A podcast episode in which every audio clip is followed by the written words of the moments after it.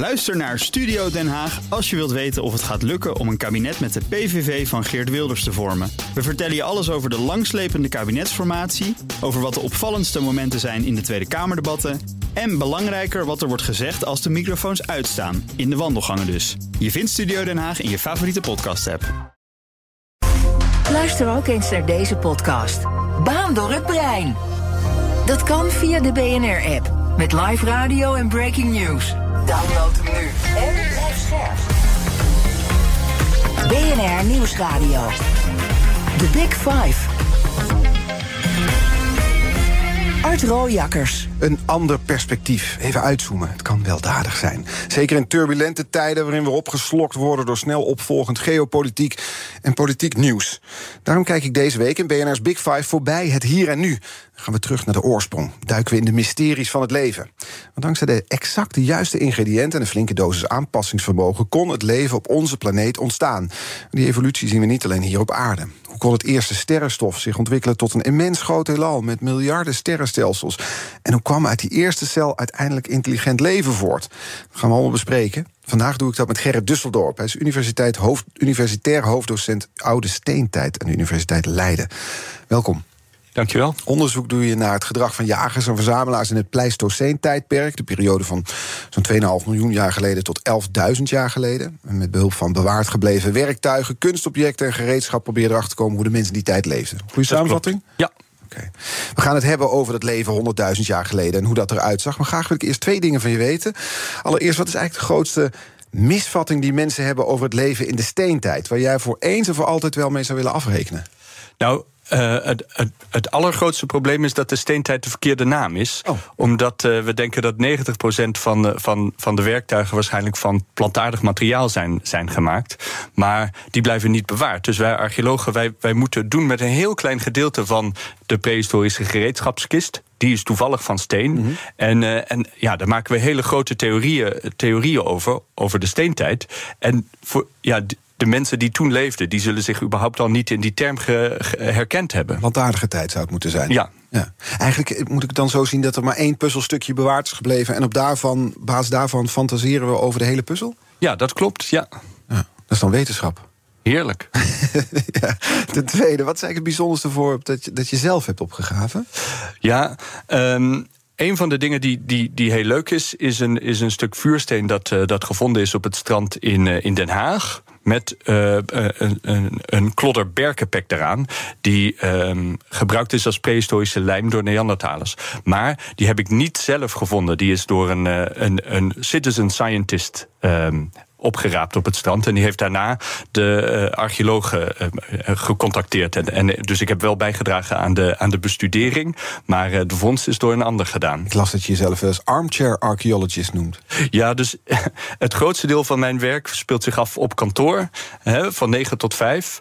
Um, en als ik geluk heb, mag ik, mag ik zes weken per jaar naar buiten. Ja. Nou ja, we gaan toch op basis van die weken naar buiten... en ook al die kennis die je dan verzamelt in de universiteit... dit, dit uur eens duiken in die, het Pleistoceen-tijdperk. Zo heet het dan officieel, hè? de oude, ja. oude steentijd, plantaardige ja. tijd. Over welke periode hebben we het dan uh, eigenlijk? Nou ja, dus het Pleistoceen is de periode van de grote ijstijden. Hè? Dus dat, dat duurde van, van 2,5 miljoen jaar tot 10.000 jaar geleden. En, en daarna begint het Holoceen, onze, onze huidige warme periode. En dat Pleistoceen dat wordt, dat wordt gekenmerkt door, door een afwisseling van, van koude ijstijden. Um, door, he, die, en die worden afgewisseld met kortere, warme periodes vergelijkbaar met nu. Um, en dat, dat evolutionair was dat dus een, een heel uitdagende periode voor, voor onze familie, omdat het, het klimaat constant veranderde.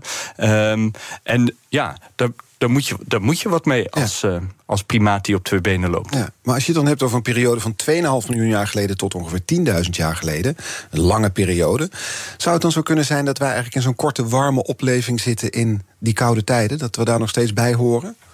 Ja, dus dit is eigenlijk een hele normale tussenijstijd. In ieder geval tot wij het klimaatsysteem uh, kapot maakten. Um, maar de, de, volgende ijstijd, die, die, kun je een beetje voorspellen op basis van, uh, van, de, van de positie van de aarde tot de zon. En het, het idee was, voordat wij het, het, het systeem kapot maakten, dat dat uh, nog 50.000 jaar zou duren voordat er weer een ijstijd zou komen. Mhm. Mm -hmm. uh, dus, dit, dus dit is sowieso een bijzonder lange tussenijstijd. Ja. En dat heeft, heeft dat alleen met ons te maken? Of dus met ons, nee, dus ons handelen? Van nature zou dit een, een bijzonder lange tussenijstijd zijn. Ja. Maar nu maken we het, het nog warmer. Hè, de- de- en nu kun je je afvragen of er ooit nog een ijstijd komt. Hm. Je- Jouw onderzoek richt zich voornamelijk op spullen die zijn... spullen zegt dan ook maar, maar ja, op attributen, of hoe moet ik het eigenlijk noemen... die zijn Ja, dus achtergebleven, archeologen doen, doen onderzoek, wij noemen het naar, eh, met de netwoord materiële cultuur. Dus, dus werktuigen, slachtafval. We zijn eigenlijk net tabloidjournalisten die, eh, die door de vuilniszakken van, eh, van BN'ers willen, willen graaien. En wat kom je dan zo wel tegen? Nou ja, dus heel veel steen. ehm, heel veel botten van, van bijvoorbeeld jachtbuit met hopelijk snijsporen, slachtsporen erop. Ehm, en heel, heel soms vind je ook een, een fossiel van, van een van de mensen zelf. En eh, nog zeldzamer zijn vindplaatsen waarbij plantaardig materiaal wel bewaard is gebleven. Dus we, we kennen vindplaatsen uit Zambia en ook eh, eentje uit Duitsland, waar, waar, waar we heel zeldzame houten voorwerpen Ja, dat hebben. is in september dit jaar, hè? Zambia was dat. Een 500.000 jaar oude houtconstructie gevonden. Ja, ja dus dat, eh, nou ja, het zijn eigenlijk twee balken die in een hoek van 90 graden aan elkaar bevestigd zijn met een inkeping. Ja. En ehm Maar goed, dat is, dat is toch al, dan zie je dus... ja, nee, dat dat is de eerste houten constructie eh, en, en, en- die we kennen. Ehm, en, maar de, de archeoloog van dienst die, die had natuurlijk eh, meteen hele, hele hypotheses dat dit misschien wel het eerste huis eh, zou zijn. En, en eh, nou ja, dat, dat zou kunnen. Ik zie het er niet in. Maar het geeft wel aan dat die mensen ja, iets aan het bouwen waren, iets aan het klussen waren, iets aan het doe- doe-het-zelf waren. Ja. Soort bouwmarkt toen al. Want het, dat, het idee was volgens mij toch dat onze voorlopers, of de voorlopers in ieder geval, die ook hier rondliepen, de Neandertalers, die bakten er niet veel van qua intelligentie. Ja, Was dus- toen wij er kwamen, de Homo sapiens, werd het wat, toch? Ja, dat idee is eigenlijk ook een beetje uit de tijd. Hè. De, de Neandertalers hebben eigenlijk heel erg grote hersenen, net zulke grote hersenen als wij. Ehm, en, en grote hers- hersenen zijn evolutionair een heel duur orgaan. Hè. De, de- ze, ze vergen veel energie. Het maakt bijvoorbeeld de, geboorte van, van, van mensenkinderen heel lastig, omdat de hersenen eigenlijk te groot zijn voor het geboortekanaal. Ehm, dus er moet wat tegenover staan. En wat, hè, wat denken wij dat hersenen doen? Die maken ons intelligent, die zorgen dat wij ons flexibel kunnen gedragen en dat we ons snel kunnen aanpassen aan, aan veranderende eh, omstandigheden. Nou, dat konden Neandertalers waarschijnlijk ook. Ja. Dus het is, moet je dan die intelligentie, als je dat naar Neandertalers kijkt, moet je dan denken dat is toch geleidelijk aan toegenomen? Ja, Zijn hersenen ehm, groter geworden? Dus het, een groot probleem is, je- hersenen eh, die, die, brengen, die geven je intelligentie, maar waar gebruik je het voor? Jij, jij ik, wij, wij kunnen TikTok. zelf... Nou, dat. Ja. Wij- wij- je, je kan zelf waarschijnlijk niet je, je iPhone eh, ontwerpen, in elkaar draaien. Nee. Je kan hem wel gebruiken. Ehm, dus wij... ehm, ja, wij, wij baseren ons op een heel groot gedeelte culturele kennis... die van generatie tot generatie overgedragen wordt. Ehm, en, en Neandertalers lijken een, een, een wat kleinere sociale scene erop nagehouden te hebben. Ehm, dus die hadden waarschijnlijk eh, minder culturele bagage om door te, gaan, eh, door te geven. En dus net wat minder om eh, op, op voor te bouwen. Ja. En dat kwam omdat ze minder grote sociale kring hadden? Ja, dus, dus A waren ze met minder. Ja? Eh, dat, dat kunnen we zien aan, eh, aan hun, eh, hun DNA, dat we, dat we sinds kort kunnen, kunnen bestuderen. Daar blijkt dat er niet zoveel variatie in zit als bij moderne mensen. En er zijn ook ehm, aanwijzingen voor inteelt. Dus soms, soms hadden, ze, hadden ze moeite geschikte partners te vinden. Ehm, en daarnaast lijkt er tussen verschillende sociale groepen ehm, minder contact te zijn. Dus wij mensen zijn heel goed in het samenwerken met niet verwante individuen. Als ik, als ik eh, tien chimpansees, tien mannelijke chimpansees in een klaslokaal zou zetten, die niet aan elkaar verwant waren, die, die geen broers, omen, ooms, vaders waren, nou dat zou een bloedbad worden. Ja. Maar in mijn collegezaal gaat het eigenlijk bijna altijd goed. Eh, en, en, Bijna altijd, ja. Nou ja, eigenlijk helemaal altijd, Ja. tot nu toe. Ehm, Terwijl dus- ons DNA is voor meer dan 99% overeenkomstig met dat van chimpansees, toch? Ja, maar dat, hè, daar- daar- daar kun je ook weer, weer kanttekeningen bij, bij plaatsen. Want een groot deel van dat DNA is, is junk-DNA. Dat, Ja. dat doet niet zoveel. En als je kijkt naar de, naar, naar, naar de genen, dan is het verschil misschien net wat groter. Maar ehm, Jared Diamond heeft, heeft een boek geschreven over, over onze evolutie. En die, die noemt dat de third chimpanzee. We zijn eigenlijk gewoon een derde chimpansee. Eh, we- we- anatomisch, biologisch Lijken gezien. zo op elkaar. Ja. ja. Alleen dat ene, dat, dat, dat is een cruciaal verschil. Ik heb ook wel eens het voorbeeld gehoord van... stel je een veiligheid, VN-veiligheidsraad voor... met alleen maar chimpansees, is ook een bloedbad. Ja. Nu is het een bloedbad, maar dan politiek gezien. Dan zou het letterlijk een bloedbad zijn. Ja, dus wat dat betreft, uh, we, zijn, we, zijn, we zijn ver gekomen. Ja. Um, je moet ook, uh, ook die chimpansees niet, uh, niet tekort doen, want het zijn slimme beesten. En, en net als wij hebben ook chimpansees cultuur. Hè? Dus, dus een groot deel van het gedrag van chimpansees is niet genetisch bepaald of is niet instinctief. Maar dat leren ze ook van. van ja, maar, dan, maar zonder taal. En dan is dat overdragen natuurlijk weer minder efficiënt dan bij ons. Ja, ja. Heel even, want wat interessant is natuurlijk... ik begon dit uur met zeggen... soms een ander perspectief even uitzoomen kan weldadig zijn. Maar als ik me dan bedenk dat... oké, er is een houtconstructie gevonden in Zambia... 500.000 jaar oud, een, een, hoek van 90 graden, indrukwekkend. Tegelijkertijd kun je ook denken... wat maakt het nou voor vandaag de dag uit? Wat, hebben, wat, wat leren we van zo'n onderzoek? Uh, nou, in, in de eerste plaats, maar dat, dat komt vast omdat ik een vakidioot ben, ja. vind ik het gewoon sowieso heel erg interessant om, om he, te zien hoe het, hoe het, wat er in het verleden gebeurde. Maar aan de, aan de andere kant kunnen we wel degelijk veel leren van de geschiedenis van onze familie. A, uh, geeft het ons relativeringsvermogen. We zijn uh, een van twintig soorten uh, mensachtige. We zijn de enige die, die nog niet uitgestorven zijn. Um, maar wat dat betreft doen we het best goed. Ja, nou, uh, Homo erectus heeft het uh, meer dan een miljoen jaar volgehouden op onze planeet. En wij pas 300.000 jaar. Dus, dus um, we zijn nog geen Max Verstappen van de mensenfamilie. Um, maar het, het laat ook zien dat uh, veel van de dingen die wij bijzonder vinden aan onszelf, die zijn eigenlijk misschien helemaal niet zo bijzonder. Dus het, het, het geeft je ook een, uh, hoe noem je dat, een, een, waardering voor ja, het, het geluk en uh, dat wij hebben. Hè? Het feit dat ik nu in mijn generatie in Nederland ben, ben geboren, in een van de rijkste landen ter wereld, dat ik de luxe heb om um, de menselijke evolutie in mijn verwarmde kantoor te, te bestuderen. Dat is fantastisch. Dat is, dat... Zonder het gevaar aangevallen te worden door allerlei wilde dieren, zoals onze voorouders zouden nou, voorkomen. Ja, dat. Ja. En, uh, en daarnaast kun je, kun je ook lessen trekken uit het verleden. Misschien uh, om, om, om voor de toekomst uh, ja, ja, beleid vorm te geven. Is een van die lessen dat we gewoon in plaats van heel bijzonder vooral geluksvogels zijn? Nou, dat, dat vind ik in ieder geval wel persoonlijk een, een belangrijke les. Ja, dat, he, dat, dat, dat, dat uh, menscentrische, uh, dat wij het, het, middelpunt van het heelal zijn. Het is goed om daar, uh, om daar een beetje van af te stappen, denk ik. De Big Five. Art Rooijakkers. En met vandaag de gast Gerrit Dusseldorp, universitair hoofddocent Oude Steentijd aan de Universiteit Leiden. Ik was eigenlijk benieuwd, hè, want we, hadden het net over die, die ja, je noemde het citizen scientist, die dan iets vinden op een strand en dan daarmee uiteindelijk komen jullie daarmee in aanraking. Of dus zo'n zo'n stuk zo'n houtconstructie van 500.000 jaar oud. Er was een, een 24.000 jaar oude sieraad gevonden in mei in Rusland. Uh, vorige week in de Nederlandse E-week wordt gebouwd een nieuwbouwwijk, werden allerlei voorwerpen ontdekt. Eigenlijk is het gewoon puur toeval hè, wat er gevonden wordt. Uh, soms wel. We, uh, we, zijn heel erg afhankelijk van uh, wat je amateurarcheologen noemt, die, die, die vindplaatsen ontdekken.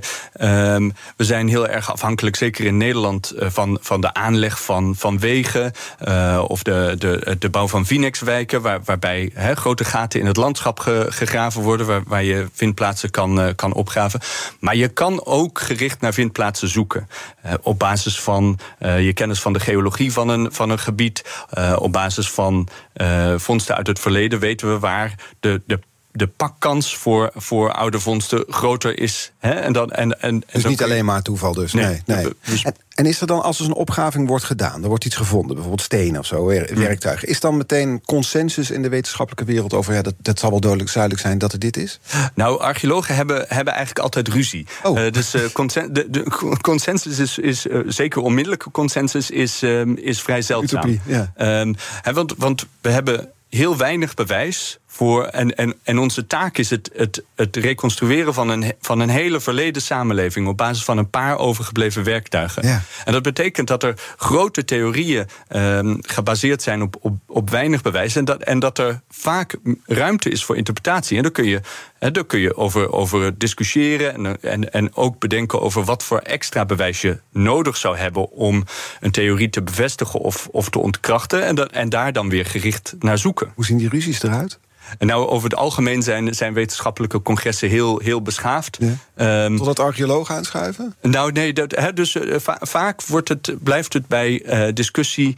Um, okay. En, en na een lezing dat er een, dat er een oudere professor uh, pretendeert een vraag te stellen, maar dan eigenlijk in plaats van een vraag zijn eigen theorie nog eens gaat herhalen. Herkenbaar, ja, ja, ja. Ik las ook over onderzoekers die in het hier en nu wel eens olifanten over stenen hebben laten lopen om een theorie te ontkrachten of juist nou, daar bewijs voor te vinden. Ja, dus, dus dat is, is, is een van de dingen die je kan doen. Hè. Wij, wij, vinden, wij, wij graven stenen op en, en, en een van de belangrijkste debatten bijvoorbeeld in, in de prehistorie van Europa is wanneer zijn er voor het eerst mensen in Europa gaan wonen. En, en sommige van die vroege stenen werktuigen die zien er echt heel erg onooglijk uit. Mm -hmm. um, en dan is er, dan is er ruzie over, over sommige van die stenen. Of dat nou wel echt menselijke artefacten zijn, of dat dat door toeval ontstane werktuigen zijn. En, en een van de ideeën is dat er natuurlijke processen zijn die werktuigachtige stenen kunnen produceren. Ja. En dus hebben een stel Amerikanen een, een, een, een bed van vuursteen gemaakt en daar olifanten overheen laten lopen. Om te kijken of, of die vuurstenen dan zo breken dat ze op artefacten lijken. Nou, en. Uh, de vroegste voorgestelde stenen, stenen werktuigen, die, die, die worden daarmee heel twijfelachtig. Maar uh, je kan een, een, olifant nog zo lang op, op vuursteen laten stampen. Een vuistbel wordt het niet. Nee. Dus, dus, het, dus de werktuigen die we dan wel accepteren, daar geeft het dan weer veel meer um, vertrouwen in dat dat echte door mensen gemaakte werktuigen zijn. Ja. Het oudste werktuig dat gevonden is, is 3,3 miljoen jaar oud? Ja. Um, tot voor kort was, waren de oudste werktuigen die we kenden 2,6 miljoen jaar oud. Dus het, het, het, het uh, verandert nogal snel in het vakgebied. In 2015 zijn er in Oost-Afrika werktuigen van 3,3 miljoen jaar oud ontdekt. Um, die, he, en dat zijn van die heel erg primitieve werktuigen, waar, waarbij je echt heel goed moet kijken naar karakteristieke kenmerken om zeker te weten dat het geen natuurlijke mm -hmm. uh, stenen zijn. Het probleem met die werktuigen is, is ook dat um, we kennen uit die tijd meerdere soorten fossiele mensachtigen die in Oost-Afrika leven. Dus nu hebben we wel werktuigen, maar we weten niet wie ze gemaakt. Ja. En uh, daarnaast is de theoretische mogelijkheid ook dat een voorouder van de chimpansee uh, ze gemaakt heeft. Dus we weten misschien niet eens dat die werktuigen wel door leden van de menselijke familie gemaakt zijn. En dan zouden ze die kennis weer kwijtgeraakt kunnen zijn. Ja, dat, dat zou kunnen. Ja. En, en, en he, ook bij de mensapen zijn er in het verleden waarschijnlijk uh, meerdere soorten geweest die nu zijn, zijn uitgestorven. He. De, dus net als wij. Uh, het enige lid zijn van, van vroeger een hele grote familie. Um, zijn chimpansees en bonobo's ook uh, ja, waarschijnlijk de, de overlevenden van een, van een veel grotere familie. Ja, ja. Die wij dan nu um, nog, het, het, leven nog zuurder maken. Dus binnenkort zijn wij misschien wel de enige uh, mensapen, omdat we de rest uh, he, door palmolieplantages hebben laten uitsterven. laten verdwijnen, ja. Ik probeer me een voorstelling te maken hoe het dan is. Of het nou bijvoorbeeld om dat bewerkt stuk vuursteen in Den Haag is van 50, wat was het, 50.000? 50.000, ja. ja. Of dat, dat van 3,3 miljoen jaar geleden. Nou, in ieder geval, er is een, wordt een werktuig gevonden, dan moet die kennis verspreid worden onder, onder de groep waarmee je uh, het leven deelt. Nu kijken we op YouTube als je je cv-ketel moet bijvullen. Hoe, hoe werd dat toen gedaan? Ja, dus um, uh, YouTube is heel recent, hè, maar, maar um, het, het is misschien meer als je, als je leert hoe je, hoe je. Als je een kind leert hoe, hoe die zijn veters moet strikken. Ja. Je kan, ik kan theoretisch verhaal houden over de knoop.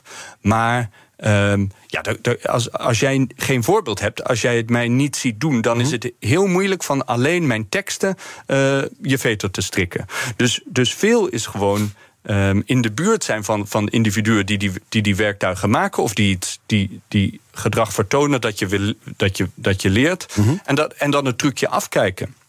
En voor een deel van de, van de dingen die wij uh, uh, overbrengen, heb je niet per se uh, know-how nodig, maar vooral know what. Dus je moet weten welke elementen je moet gebruiken. Ja. Hè? Dus. Um, uh, als ik hout wil hakken, dan weet ik, ik heb een stuk hout nodig en een bijl. En, dan, en, en de techniek, die, die vogel ik zelf uit. Die hoef je me verder niet, niet uit te leggen. Dus je, er zijn uh, vormen van het overbrengen van skills waarbij je veel minder taal en theoretische concepten nodig hebt. Ja. Bij uh, vroege stenen werktuigen lijkt dus gewoon een beetje het kunstje afkijken voldoende. Bij het destilleren van, van berkenpek, zoals in, in Den Haag, Ja. dat is ja, dat is amateurscheikunde. Daar heb je wel echt van die, van die uh, abstracte concepten bij nodig, abstracte kennis. Want wat is berkenpek eigenlijk? Nou ja, Berkenpek is een, is een kleverig zwart stinkend goedje. dat, je, dat je kan destilleren als je berkenbast verhit. En, um, en, en, en dat doet terwijl er geen zuurstof bij kan. Want als er wel zuurstof bij kan, dan, uh, dan, dan, dan, uh, ja, dan gaat de pek in de, in de fik. Mm -hmm. um, en het is dus iets anders dan zegt Dennehars. Dat, want dat zie je gewoon uit de boom lopen. Er is eigenlijk niks als jij een, een berg ziet groeien. Dat, dat suggereert dat je uit die bast lijm zou kunnen halen. Dus dat is, dat is sowieso interessant hoe men dat heeft, heeft ontdekt dat dat erin zit. Nou, een van de dingen is dat, dat soms wat, wat pek uh, condenseert op stenen als je, als je een, een stuk berkenhout in de fik steekt. Maar om het echt goed te winnen heb je een soort oventje nodig waarbij je uh, uh, een vuurtje steekt buiten de oven en in de oven ligt dan berkenbast en daar drupt dan die pek uit en die pek kun je gebruiken om bijvoorbeeld je, je stenen je stenen punt op een speer te, te schachten. Um, en en dat, is, dat is heel erg complex om, om te doen. Zeker als je. Ik zou het niet kunnen zoals je nu omschrijft. Want dit gebeurde dus 50.000 jaar geleden. Ja, nou, ik kan het zelf ook niet. Nee. En, en gelukkig hebben wij hele slimme collega's in Delft. En die hebben experimenten gedaan om, om uit te vogelen hoe, hoe je dat kan doen. Hè? En, en welke temperatuur vuur je nodig hebt en hoe lang. En, um, en, en Eigenlijk ben je dan het wiel opnieuw aan het uitvinden. Ja, en, en he, op basis van het vergelijken van die, van die uh, experimentele pek met uh, archeologische pek kun je ook kijken, kun, je, kun je in ieder geval benaderen welke methode er in de prehistorie is, is gebruikt. En, um, en ja, dus dat laat zien dat die Neandertalers, ja, die, die, die waren ongeveer even slim als een ingenieur uit Delft. Ja. Nou zijn er natuurlijk andere theorieën over Neandertalers. Dat ze helemaal niet zo slim waren als een ingenieur uit Delft. Of misschien zegt het meer iets over die ingenieur uit Delft. Ik weet niet of het de sneer naar Delft was, dit. Maar uh, de theorie is ook dat hè, er zijn tegenstanders van het argument... Neandertalers waren net zo intelligent als wij.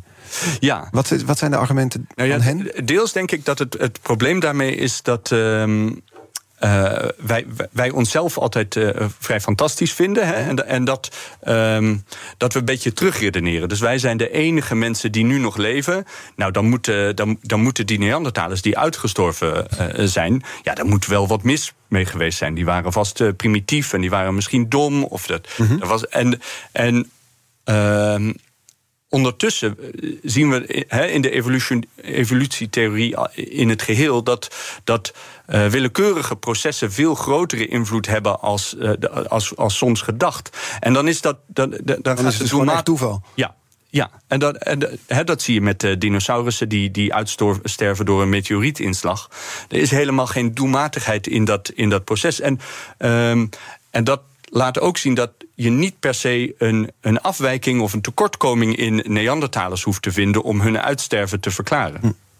De mens heeft de afgelopen jaren, duizenden jaren, de aarde blijvend veranderd. Daar gaan we zo over verder spreken met, uh, ga ik verder spreken met Gerrit Dusseldorp. Want de vraag is natuurlijk ook, wat gaan bewoners van diezelfde aarde over pak een beetje 30.000 jaar nog van ons vinden? Gaat hem zo vragen aan archeoloog Gerrit Dusseldorp. Blijf luisteren. Ook Bas van Werven vind je in de BNR-app. Ja, je kunt live naar mij en Iwan luisteren tijdens de ochtendspits. Je krijgt een melding van Breaking News. En niet alleen onze podcast Ochtendnieuws, maar alle BNR-podcasts vind je in de app. Download nu de gratis BNR-app en blijf scherp.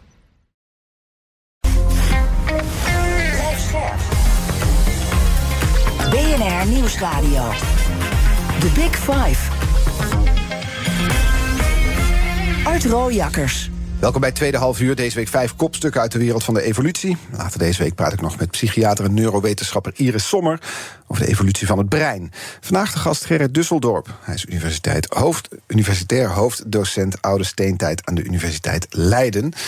Komend half uur wil ik graag nog twee onderwerpen met je bespreken. Namelijk het paleo-dieet. We horen wel eens over. Hè, dat oerdieet dat sommige mensen volgen. Zou hartstikke gezond zijn. Nou, straks wil ik weten of het echt klopt.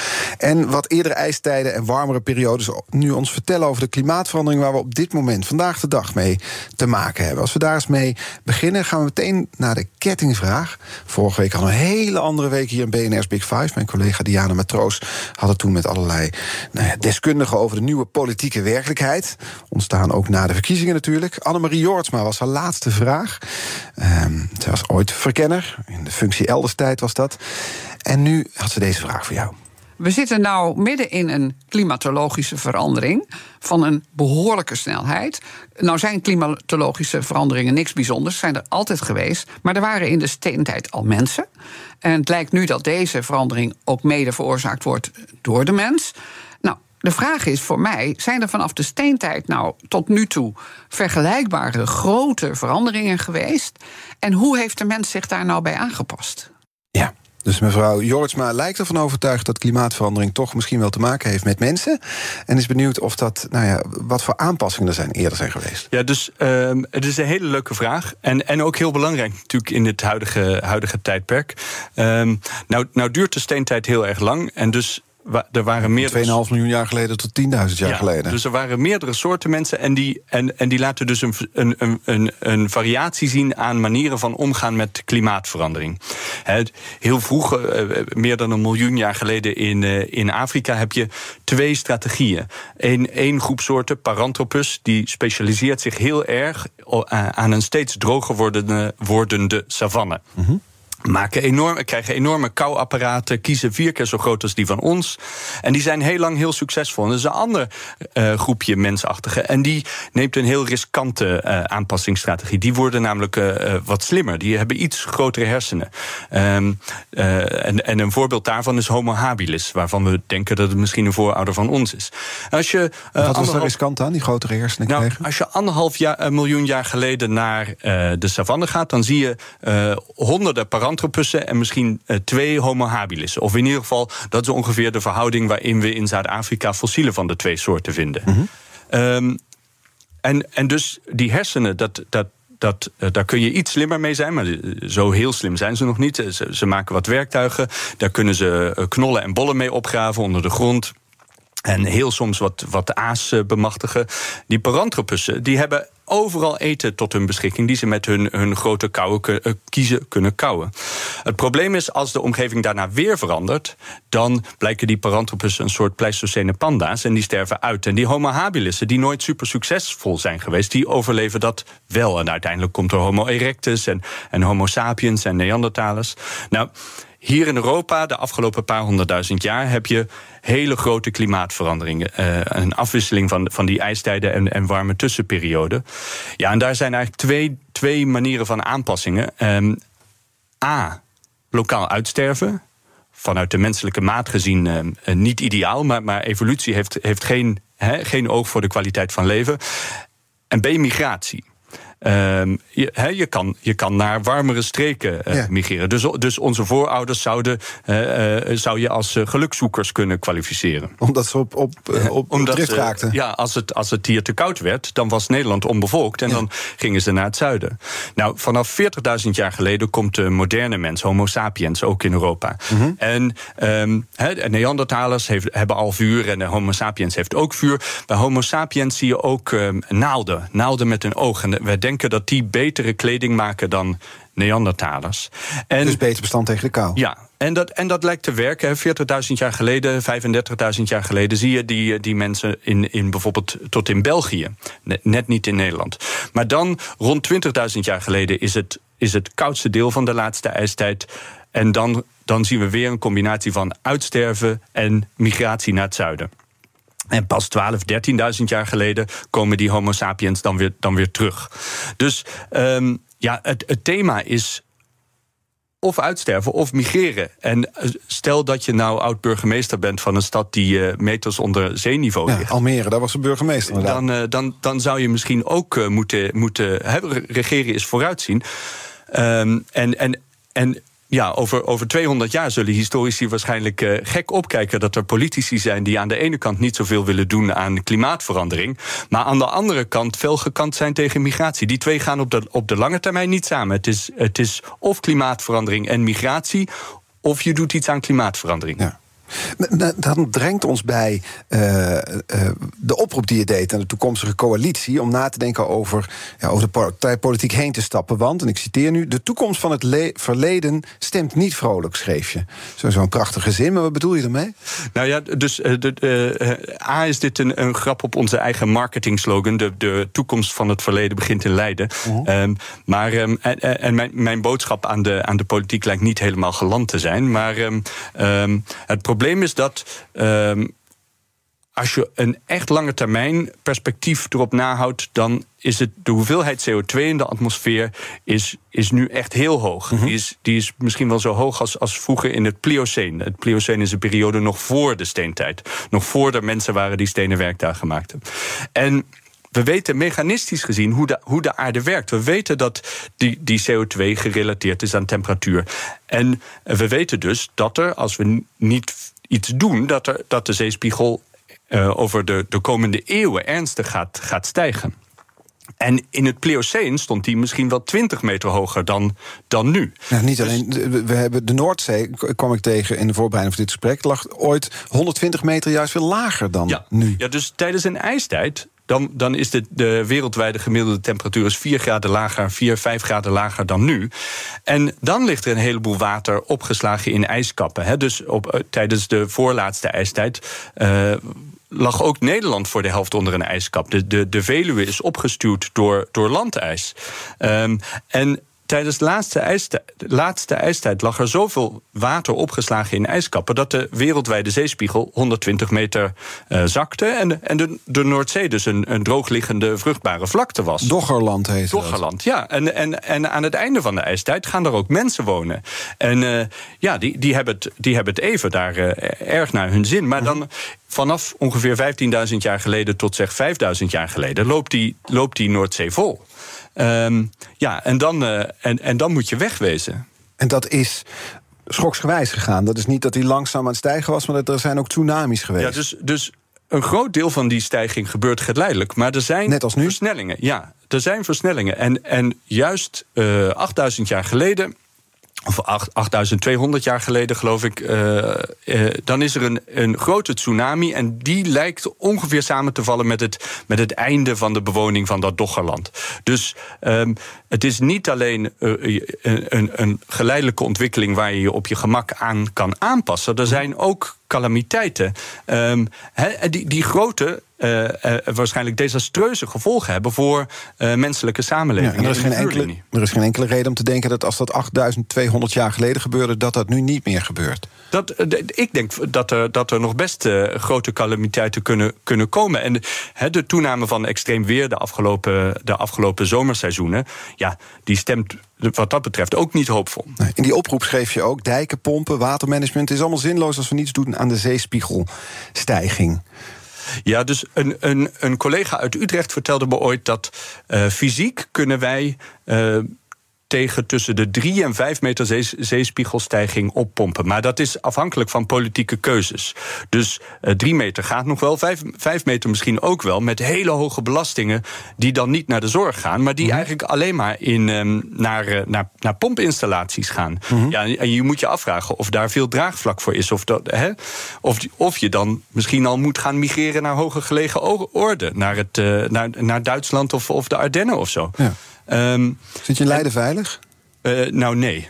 Niet, uh, misschien wel voor één meter zeespiegelstijging. Maar als het, uh, als het veel meer wordt, dan is Leiden volgens mij ja, de pineut. Ja. Wat wordt, wat wordt nu zo'n kustplaats dan? Als we even zo verder fantaseren. Zit het dan inmiddels in Utrecht ja, of nog verder? Ik ben geboren en getogen in Eindhoven. En mij is ooit verteld dat dat ongeveer 20 meter boven zeeniveau ligt. Dus, dus um, ik hoop weer terug te gaan naar, uh, naar de plek van mijn jeugd. Ja, dat het daarom gaat gebeuren. Nou, ik kom er ook vandaan, dus misschien komen we elkaar dan tegen. Kunnen lekker op strand gaan liggen met z'n tweeën. Want dat is wel wat we leren dus uit het verleden. Dat het, we doen er nu misschien heel even lacherig over... maar dat is uh, wat je dus ziet, wat die zeespiegelstijging... die zeespiegeldaling, dat daar zit een wetmatigheid in. Ja, en die zal, is echt niet gestopt bij ons als homo sapiens... En, en het feit dat wij nu pompen kunnen bouwen. Ja, nee, ja dus we kennen dat mechanisme. Um, he, er, zit, er zit iets onzekerheid in, maar maar de onzekerheid die moet je niet gebruiken om af te leiden van de, van de, van de rode lijn. Mm-hmm. en, of de rode draad. En de rode draad uh, laat zien dat de, de zeespiegel gaat stijgen. En dat, is, dat zou geen politiek punt moeten zijn. Hè. Er zijn ook uh, organisaties die je misschien traditioneel aan de rechterkant plaatst. Zoals Shell of het Amerikaanse leger. Die, die ook overtuigd zijn van de realiteit van klimaatverandering en de gevolgen van dat uh, veranderende klimaat. Ja. We hadden het over die relativering hè, die, die jouw werkveld met zich meebrengt. Daarom schreef je ook begin november stap over partijpolitiek heen. Denk je dat er van die oproep terecht gaat komen na de verkiezingen? Ehm, nou, ik geloof dat, uh, dat de heer Wilders in ieder geval zegt dat hij dat zeker van plan is te doen. En dat hij, uh, hij heeft nee geluisterd. is uh, punten uit zijn programma in de ijskast te zetten. Mm -hmm. dus ik neem aan dat dat, dat dat allemaal helemaal goed komt. Ja, het optimisme siertje. Ook Harm Edens vind je in de BNR-app. Je kunt BNR Duurzaam niet alleen live luisteren in de app, maar ook terugluisteren als podcast, zoals al onze podcasts. En naast dat de BNR-app Breaking News meldt, houden we je ook op de hoogte van het laatste zakelijke nieuws. Download nu de gratis BNR-app en blijf scherp. BNR Nieuwsradio. The Big Five. Art Rojakkers. Je luistert naar BNR's Big Five van de evolutie. Morgen praat ik met astronoom Joop Schaaien over een computersimulatie van het heelal. Vandaag de gast Gerrit Dusseldorp. Hij is universitair hoofddocent aan de, van oude steentijd aan de Universiteit Leiden. Um, we kijken de hele tijd naar het verleden. En dat is natuurlijk ook het werkveld. Maar laten we nu de blik heel even op de toekomst richten. Want we, we hebben het nu over houten constructies gehad. Van, uh, van, van, wat is het? Wat, hoeveel jaar oud was het ook weer? 500.000, 476. Nou ja, ja. Het oudste werktuig van 3,3 miljoen jaar oud. Als we kijken wat, wat, wat nou aardbewoners pak een beter over 30.000 jaar van ons gaan vinden. Wat, wat blijft er over van ons? Zijn we er dan überhaupt nog? Uh, nou, ik denk dat, dat wij als soort uh, het, het, het tot die tijd wel halen. Mm -hmm. de vraag is A, of we op aarde zitten. Hè. Eh, Elon Musk wil naar Mars. Ja, um, en, en, en B, um, ja, hoe, hoe we leven. Zijn we, eh, gaat het nog goed met ons? Of zijn we weer um, post-apocalyptisch als jager-verzamelaars een kostje bij elkaar aan het scharrelen? Ja, maar dat vond ik interessant. Je had net een zin toen zei je: evolutie heeft geen oog voor de kwaliteit van leven. Ja, nee, dat klopt. En de, dus één leuk voorbeeld daarvan is de overgang van jager-verzamelen naar, naar vroege landbouw. Um, want uh, vroege boeren zijn in veel gebieden uh, ongezonder dan de jager-verzamelaars die hen voorgingen.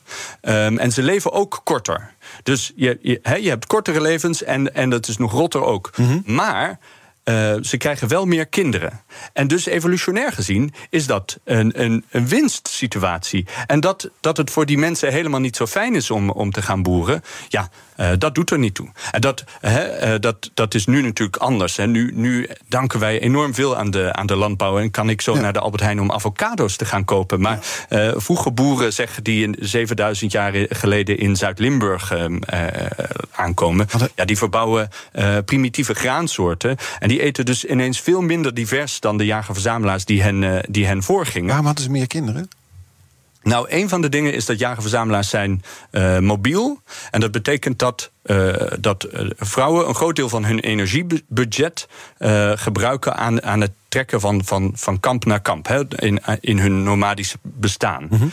En daardoor is er een, een, een langer, wat, wat wij noemen interbirth interval. Gemiddeld zit er meer tijd tussen het krijgen van verschillende kinderen. Mm. En vroege boeren die gaan op één plek wonen, want ja je moet toch bij je akkers blijven. Begint je ook een beetje te vervelen er, en dan ja, van Dat betekent dat er meer energie en meer, meer ruimte is om sneller achter elkaar kinderen te krijgen. Ja, ja. En um, die kinderen, er is minder voedselschaarste in de vroege jeugd van die kinderen. Dus de, de, de babysterfte gaat omlaag. Ja, Alleen he, als je, bij jagerverzamelaars, als je eenmaal geen baby meer bent, ja, dan begint het goede leven.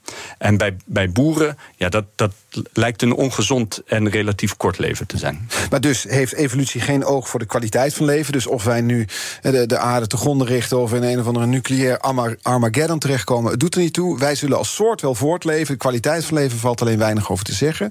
Stel dat we dus vooruit gaan, 30.000 jaar in de tijd. Wat, wat, wordt er, wat, wat rest er van ons, van ons hedendaagse leven? Ja, ja, in ieder geval heel veel plastic. Dus. Um je hebt, je hebt veel meer dan steen om, om op te gaan als archeoloog. Uh, glas, plastic, uh, misschien wat, wat, wat staal, roestvrij staal.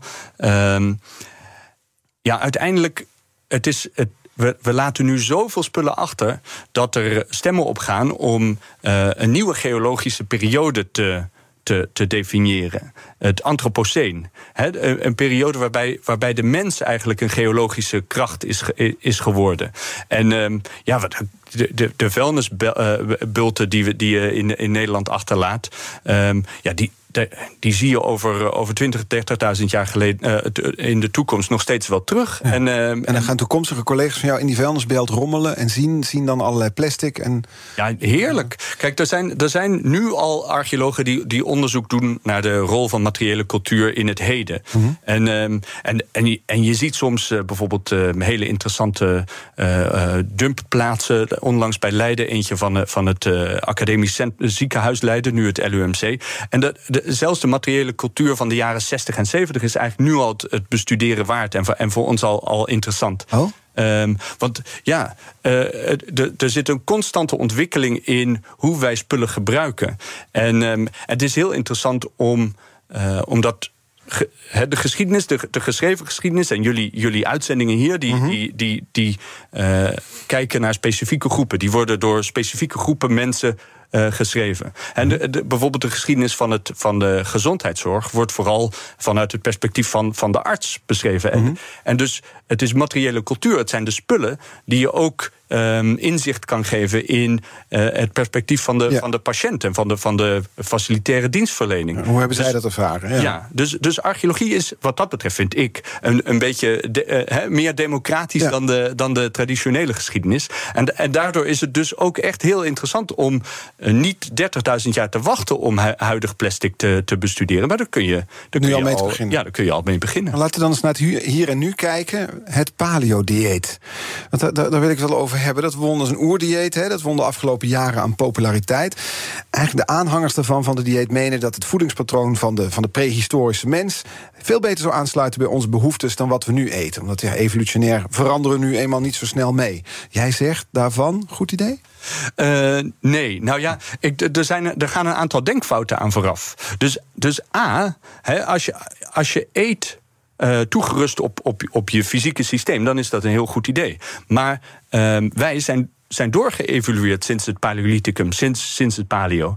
Dus um, als je een paleo-dieet eet, dat is niet meer toegerust op jou. Hè? Wij, wij, zijn nu aangepast deels aan 10.000 jaar landbouw.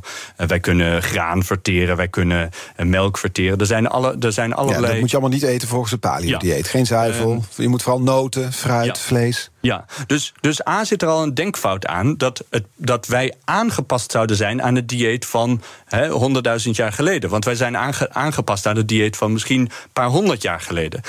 Ten tweede, uh, wat je ziet in de glossies. Um, ja, dat, dat is niet wat er in het paleo gegeten werd. Hè. Dus, dus als ik kijk naar, naar slachtafval uit het verleden, dan zie ik vooral een, nadruk op. Um, orgaanvlees, op beenmerg, op hersenen, op de tong. Uh, en dat is heel begrijpelijk, hè, want daar zitten meer vitamine in, daar zit, daar zit meer vet in, daar heb je veel aan. En dat, dat spierenvlees, dat, dat wij nu eten, de biefstukken, ja, dat is eigenlijk voor een jager-verzamelaar heel onverstandig om te eten. Want er zit veel te veel eiwit in.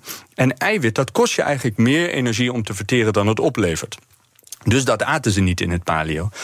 Of daar, daar lag in ieder geval minder de nadruk op. Ja. En daarnaast um, werd dat vlees vaak niet, uh, niet gekookt, maar bijvoorbeeld gefermenteerd. En dan eet je terwijl de maden eruit komen. Mm -hmm. Nou, dat zie ik ook niet in de glossies. nee. Insecten ook al niet. En, uh, maar het grootste probleem is dat het grootste deel van onze prehistorie waren, waren planten.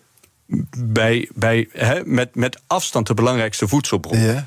Um, maar planten die worden niet zo goed, blijven niet zo goed bewaard mm -hmm. als botten. Dus als je iets opgraaft, dan vind je meestal de, de resten van het dierlijke afval. Maar dat, yeah. maar dat is helemaal niet representatief. Dus um, veel uh, glossies over het paleo-dieet... Yeah. Die, die, hebben, die lijken een soort afkeer van zetmeel te hebben. Terwijl he, uh, knollen en bollen... Uh, dat draaide het misschien wel om. Ja, ja, die waren veel belangrijker dan dat vlees. Probeer je wel een fotoshoot van zo'n glossie voor te stellen... met een model dat dan een tong eet van een bepaald dier... waar de maden uitkruipen. Hoe je daar nog een mooie foto van maakt, weet ik eigenlijk ook niet. Ja, dus dat laat ook zien dat, dat, dat, dat voedsel heel erg cultureel bepaald is. Hè? Ja. En dat uh, uh, de, de stank van, van uh, Zweedse, Zweedse rotte vis, die, mm -hmm. die, is voor sommige mensen is dat hemels. Terwijl, ja. nou ja, wij zouden naar het toilet moeten om even. bij te komen. Ja. ja. Morgen is uh, mijn gast astronoom Joop Schaaien van de Universiteit Leiden. Hij richt zijn blik weer en niet alleen op het aardse, maar alles wat daar buiten zit. Je mag hem een kettingvraag stellen. Wat zou je van hem willen weten? Ja, dus ik heb besloten om, uh, om een huiswerkvraag van mijn dochter te stellen. Ah, Want hoe mijn, dochter, mijn dochter is negen en die doet een spreekbeurt over sterrennevels. En, um, en Ik deed toen in huis een spreekbeurt over hoofdluis. Dus dat zegt misschien wel iets over de intelligentie van jouw dochter. Oh, wauw. Ja. Um, maar uh, zij vraagt zich af, als, als, als, als zij of ik nu met een space shuttle naar uh, langs zeg, de Orionnevel vlieg, ziet dat, dat dan heeft dat dezelfde kleur als dat nu eruit ziet in foto's van de Hubble Space Telescoop. En Hoeveel materie zit er nu in zo'n nevel? Is er, he, kun je daar doorheen met je, met je Space Shuttle? Is er misschien één, één molecuul per kubieke kilometer, maar omdat de rest ja? van de ruimte nog leger is, zie je, zie je het toch door je telescoop? Of, uh, of vlieg je dan in een, in, een, in een muur van ruimtepuin? Ja. Aan welke universiteit studeerde jouw dochter van negen ook alweer? Ze zit helaas nog op de basisschool. Oh, ik vind het een indrukwekkende vraag hoor. Ik stel hem ook morgen met plezier aan gast-astronoom Joop Schaaien van de Universiteit van Leiden. Dank voor het gesprek van vandaag. Gerrit Dusseldorp, universitair hoofddocent Oude Steentijd aan de Universiteit Leiden. Het was fijn om de blik even nou, wat te verruimen. Dat hebben we gedaan dit afgelopen uur. En dat proberen deze hele week te doen in BNR's Big Five. Um, onze afleveringen zijn terug te luisteren. Je kunt je abonneren op onze podcast via onze eigen app. Ook voor je favoriete podcastkanaal. Hoef je geen aflevering te missen. En nu op deze zender, hij is er gewoon hoor. Maandag, hij treedt weer aan. Thomas van Zijl met BNR Zaken doen. Tot morgen. Ook Liesbeth Staats vind je in de BNR-app. Ja, heel handig. Luister live naar Kees en mij tijdens de Daily Move. Dan blijf je ook gelijk op de hoogte van breaking news en het laatste zakelijke nieuws. En daar vind je ook alle BNR-podcasts, waaronder de Perestrooikast. Download nu de gratis BNR-app en blijf scherp.